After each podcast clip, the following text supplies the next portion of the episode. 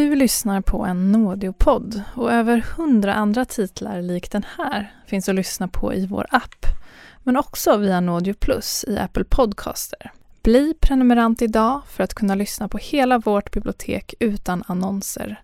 Och följ Nådio Docs för att ha koll på poddarna vi släpper gratis. Hej Sverige! Apoteket finns här för dig och alla du tycker om. Nu hittar du extra bra pris på massor av produkter hos oss. Allt för att du ska må bra. Välkommen till oss på Apoteket. Ska några små tassar flytta in hos dig? Hos Trygg Hansa får din valp eller kattunge 25% rabatt på försäkringen första året. Läs mer och teckna djurförsäkringen på trygghansa.se. Trygg Hansa, trygghet för livet.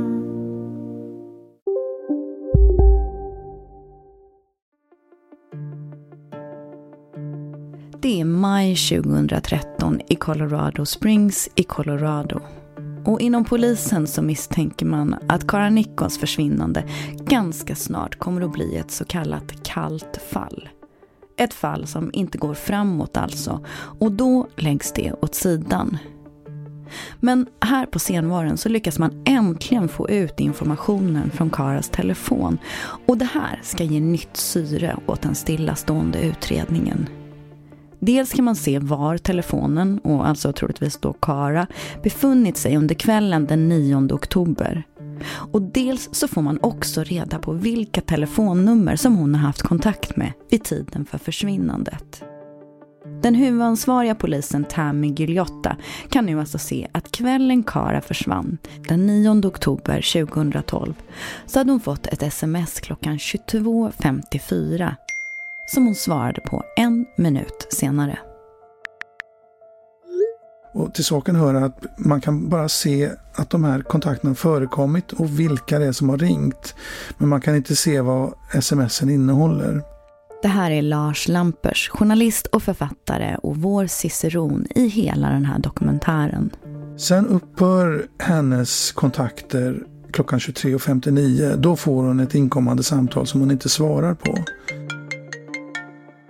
Och hennes voicemail går igång. Och det sista livstecknet överhuvudtaget från mobilen det är klockan 16 minuter över midnatt. Eh, då slocknar den och kopplar inte längre upp mot några master överhuvudtaget. Så någonting händer här mellan ungefär kvart i tolv och kvart över tolv. Poliserna kan ju också se var telefonen befunnit sig under kvällen och de kan då se att hon rört sig i en bil norrut från Colorado Springs. Men hon har inte åkt hela vägen till Denver som hon sa att hon skulle göra. Istället har hon stannat till vid en adress i området Black Forest som ligger strax nordöst om Colorado Springs. Cara was last seen back on October 9th leaving her Colorado Springs home after telling friends she was headed to Denver. Cell phone traces show Cara headed north on the night of the 9th, but there's been no activity since, a reality that frightens her parents. To see that she's missing now is just a crushing blow. Här hörde vi Karas pappa Paul intervjuas av ABC News. Och vad polisen också kan se, det är att det här numret som Kara haft kontakt med på kvällen, det tillhör en man som heter Joel Hollendorfer. Och han bor på just den här adressen i Black Forest. Polisen inser direkt att nu är det prio ett att kontakta den här personen och se vad han vet om Karas försvinnande. Men det ska visa sig svårare än man kan tro. Du lyssnar på mordet på Kara. En dokumentär i tre delar om den försvunna Kara Nichols. Men också om mörka familjehemligheter och hur långt man kan vara beredd att gå för att skydda dem. Jag heter Tove Friman Leffler och det här är avsnitt två. Djurkyrkogården.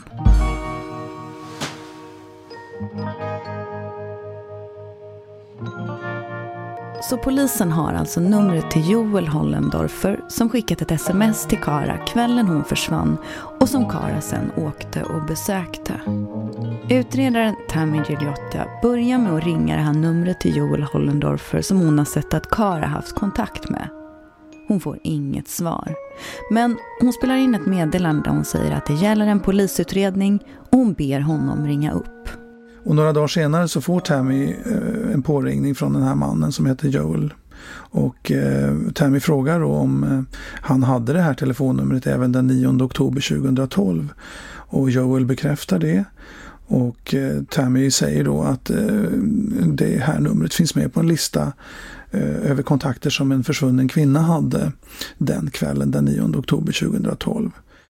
Joel berättar att han den här kvällen var ute efter en eskort och kollade runt lite på olika hemsidor. Han hittade Karas profil och tog kontakt med henne. Och under kvällen så hade de också lite kontakt men han säger att hon använt sig av ett annat namn och att de hur som helst ändå aldrig träffats. Men han säger att den här kontakten rann ut i sanden då eftersom den här kvinnan som hade kontakt med inte gjorde några, eh, som det heter, in-call. Alltså hon ville inte ta emot kunder i sitt eget hem utan hon gjorde bara out-calls där man istället åker till kunden.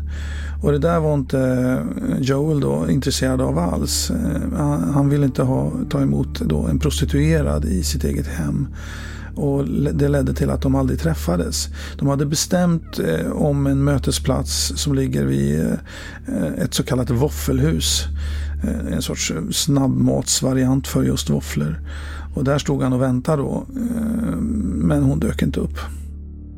Men Tammy hon tror inte riktigt på det som Joel säger här. Hon har ju faktiskt sett att Karas mobil har varit i närheten av just Joels hem i Black Forest. Så hon är rätt säker på att Joel inte talar sanning.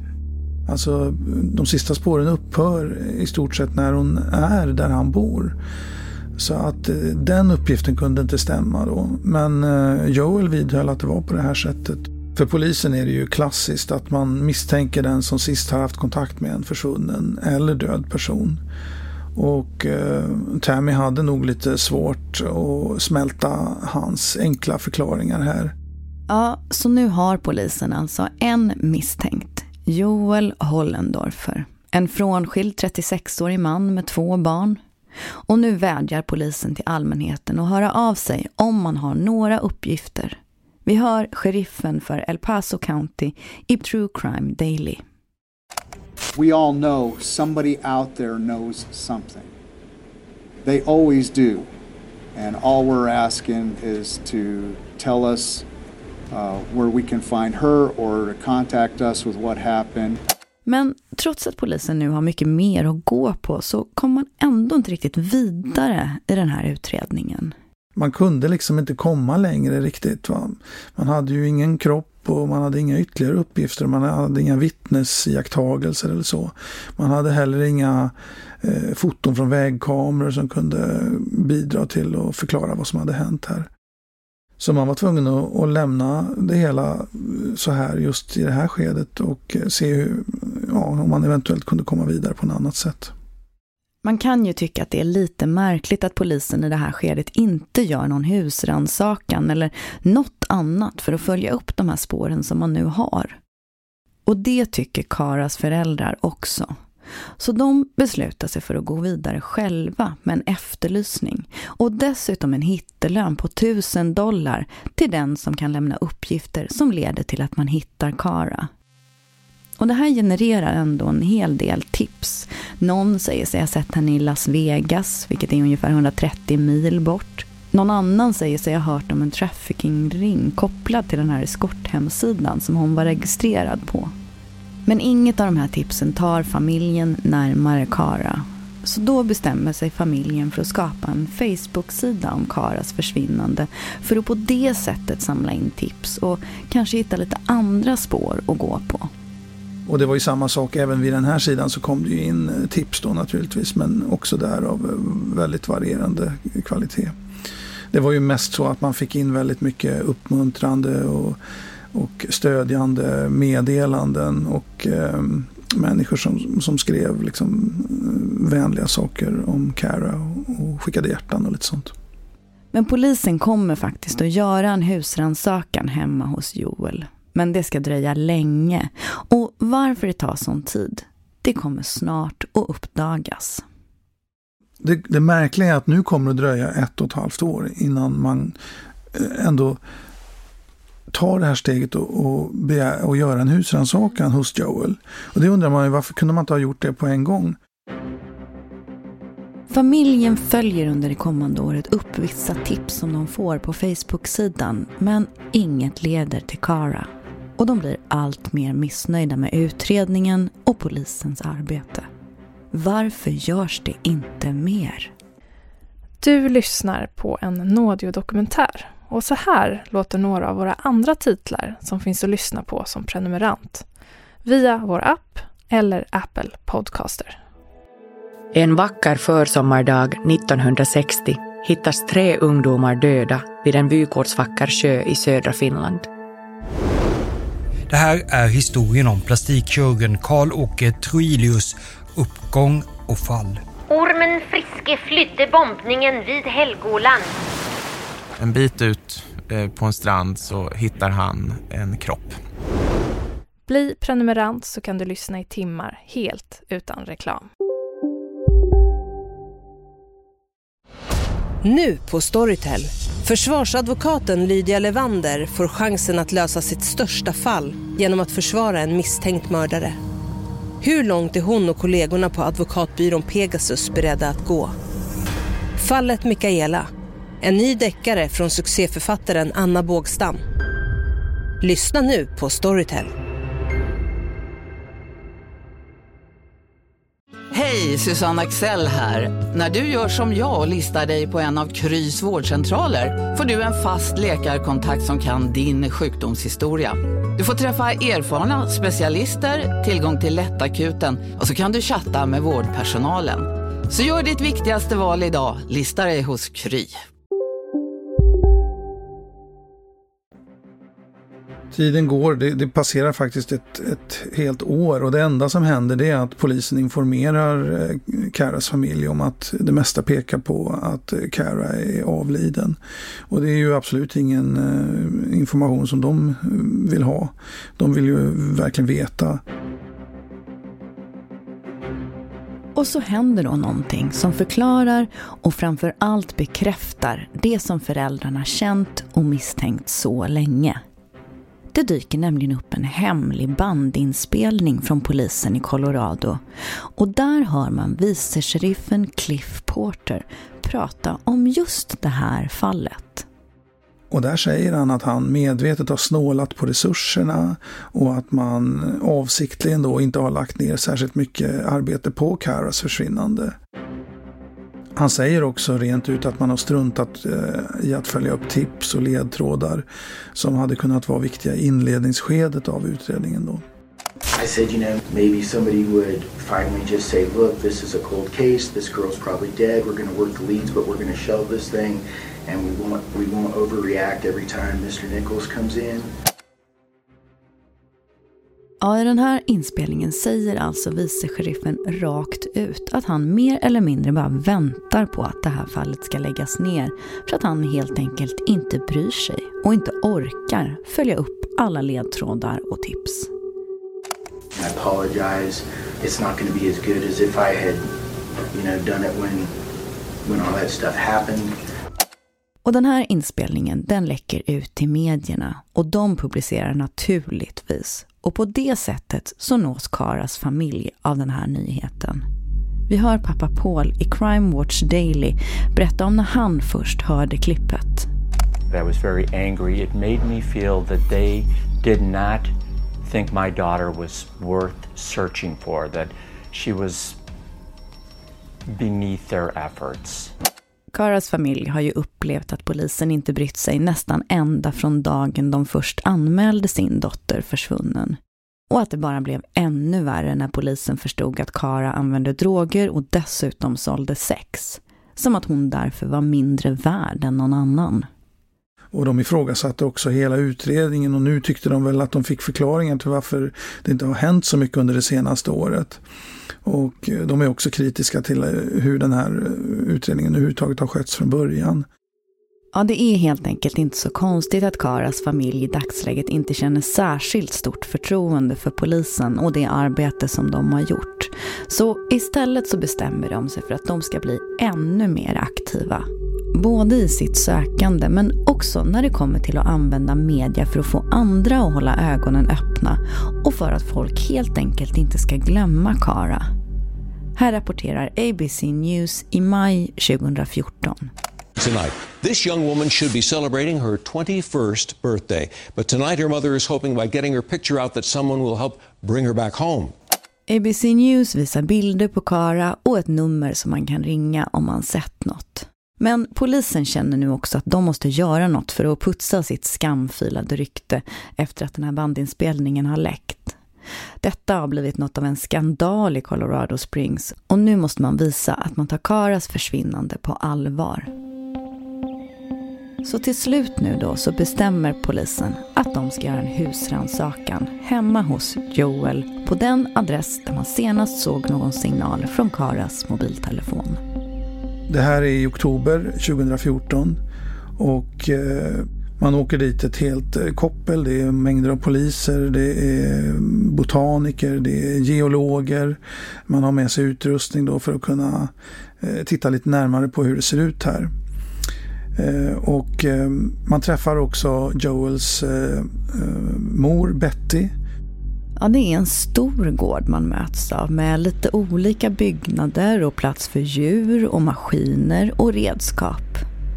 Det är en sån här ganska krispig och kall oktoberdag när patrullen rullar in på uppfarten till Joels gård. Joels föräldrar bor alltså också här på gården i ett stort trähus och hans mamma Betty får visa runt poliserna. Gården ligger som vi nämnt tidigare i ett område som heter Black Forest Området har fått sitt namn efter den skog av gultall som finns där och naturen överlag påminner mycket om svenska skogar. Men just här på Hollendorfers ägor så är det glest med träd. Och eh, det ligger längs en väg som heter Muswell Road som är en större asfalterad landsväg som skär igenom det här området. Det är vidsträckta ängar och åkrar och så en hel del skog. Eh, mycket barrträd i det här området så bor det kanske 15 000 personer. Det är väldigt vidsträckt. Eh, det är ingen tätort egentligen utan man bor utspritt i större gårdar eller eh, villaliknande hus och sådär. Hollendorfers hus ligger ett hundratal meter in från den här eh, Muswell Road då. och ehm, det är ju ett ganska stort område. Det går runt några hästar på gården och Betty berättar att familjen har ägt hästar i nästan 30 år. Och man är naturligtvis ute efter att se om finns det någon plats här där eh, Kara skulle kunna ligga begravd. Och Betty visar några olika platser där man kan se att eh, marken är påverkad eller rörd på olika sätt. Och så berättar Betty att när deras hästar dör så begraver man dem på tomten och det gäller även om några andra av deras djur dör. De begravs också på tomten. Och det är alltså därför som marken kan se lite rörd ut på sina ställen.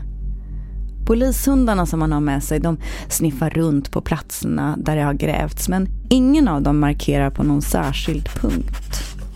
Och eh, även om polisen då ser en del misstänkta platser så, så nöjer de sig tills vidare med de här förklaringarna. Man har inte resurser till att eh, också gräva då och, och gräva mer eller mindre på chans då på de här platserna.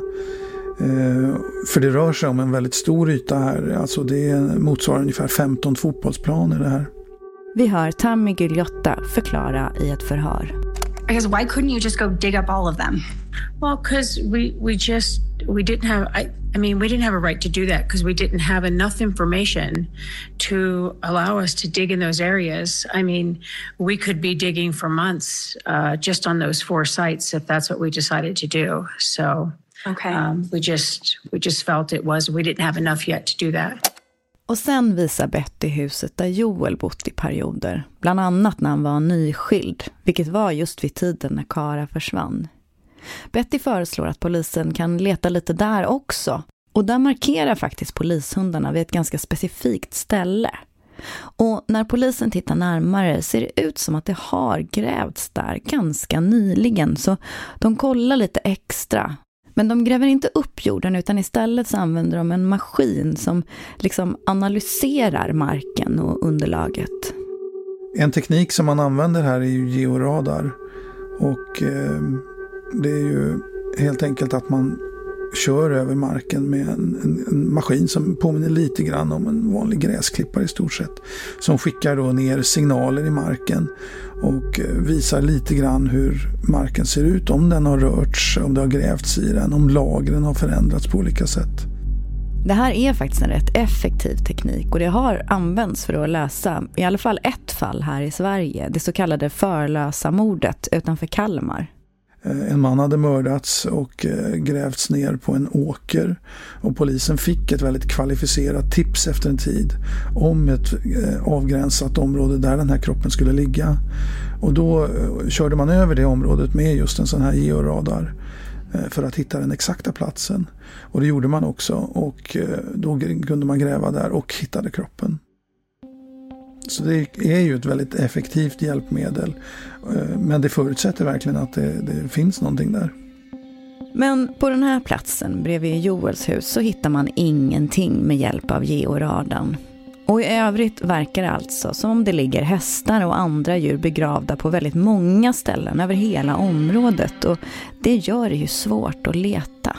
Man kan inte gräva upp hela gården och hundarna markerar som sagt inte på något tydligt eller speciellt ställe. Men man håller ett förhör med Joel i samband med det här för att få reda på lite mer om vem han är. Ja, då var han ju alltså eh, 36 år eh, och vid tiden för den här husrannsakan så eh, har ju några, ytterligare några år gått, så han närmar sig 40-strecket. Och eh, han bor här då med sina föräldrar John och Betty. Han är byggnadsarbetare och fritiden ägnar han mest åt att göra utflykter med sin eh, motorcykel. Ofta tillsammans med sin pappa då som också är en stor MC-entusiast. Han är alltså numera skild från en kvinna som heter Kristina. Och hennes namn, lägg det på minnet, för hon kommer att spela en viktig roll i den här berättelsen. Men det är det förstås ingen som vet den här kalla oktoberdagen i Black Forest. Joel och Christina de har ett barn tillsammans och hon har även ett barn från en tidigare relation som Joel har agerat bonuspappa till. De blev tillsammans 2009 men de skilde sig redan 2012. Det här äktenskapet var rätt stormigt och eh, Kristina orkade inte med det här till slut längre. Det var ständiga bråk och dessutom använde båda två droger lite till och från. Joel använde det betydligt eh, mer än, än vad hon gjorde då men eh, det handlade om amfetamin och kokain huvudsakligen då. Under det här förhöret som hålls så säger Joel alltså samma sak som han har sagt tidigare. Alltså att han har haft telefonkontakt med Kara men att han aldrig har träffat henne. Hon har aldrig suttit i hans bil, aldrig varit vid hans hus eller familjens gård överhuvudtaget. Däremot så erkänner han att han har köpt sex tidigare och att det faktiskt var den primära orsaken till att hans äktenskap sprack. Eh, han berättar att han var starkt beroende av droger vid den här tiden, 2012. Och med det så vill han väl förklara då varför han hade tagit kontakt med Cara. Eh, han sa vid det här förhöret också att han önskade att han verkligen hade träffat henne. Det vill säga att hon verkligen hade kommit till det här mötet. Och det är väl underförstått då att eh, hade hon gjort det så hade hon levt idag. Han menar väl att hon har eh, då dött på något annat sätt. Men polisen har fortfarande en känsla av att det är något som inte stämmer i Joels berättelse. Men det är inte så mycket mer de kan göra ändå.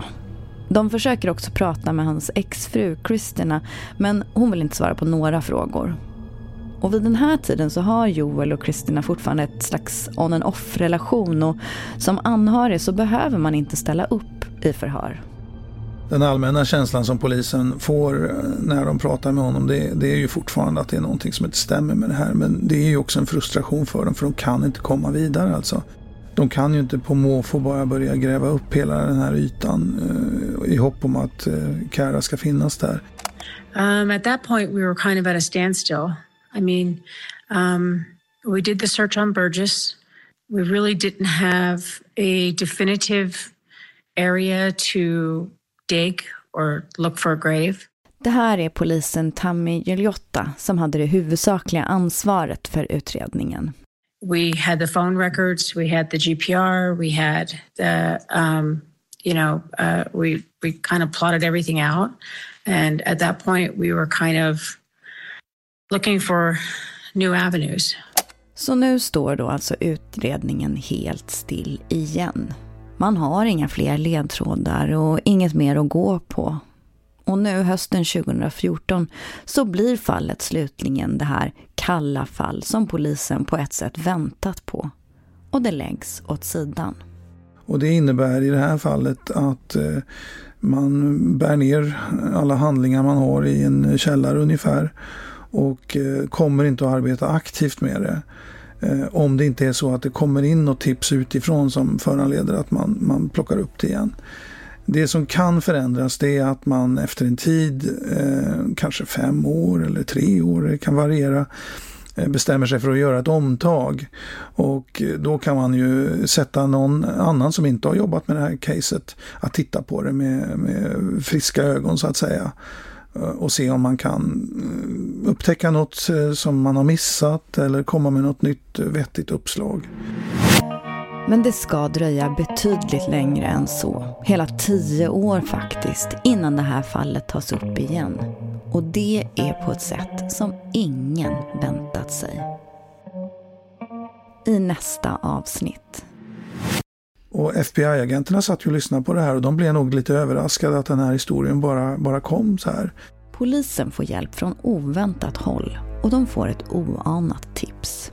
Och det innebar ju att polisen nu fick ett ganska konkret tips. Alltså eh, om man bara kan ta reda på var Milo ligger begravd, då kommer man kanske att hitta Cara. Yesterday, the FBI Denver Evidence Response Team, in coordination with the El Paso County Sheriff's Office, conducted a forensic search, which resulted in the recovery of human remains. Du har lyssnat på andra avsnittet av Mordet på Kara. En dokumentär i tre delar av Podlit för Nådio. Producent är Elisabeth Pollack, ljudläggning och mix av Jens Nielsen och Thomas Reinaj och exekutiv producent det är jag, Tove Friman Leffler. Tack för att du lyssnar.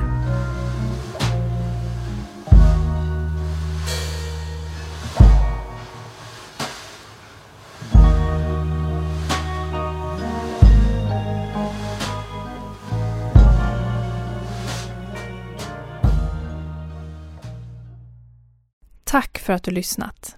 Följ gärna Naudio Docs och glöm inte att mängder av dokumentärer väntar på dig i Naudios app eller via Naudio Plus i Apple Podcaster. Bli prenumerant så kan du lyssna i timmar helt utan reklam. Hej, Synoptik här. Hos oss får du hjälp med att ta hand om din ögonhälsa. Med vår synundersökning kan vi upptäcka både synförändringar och tecken på vanliga ögonsjukdomar. Boka tid på synoptik.se.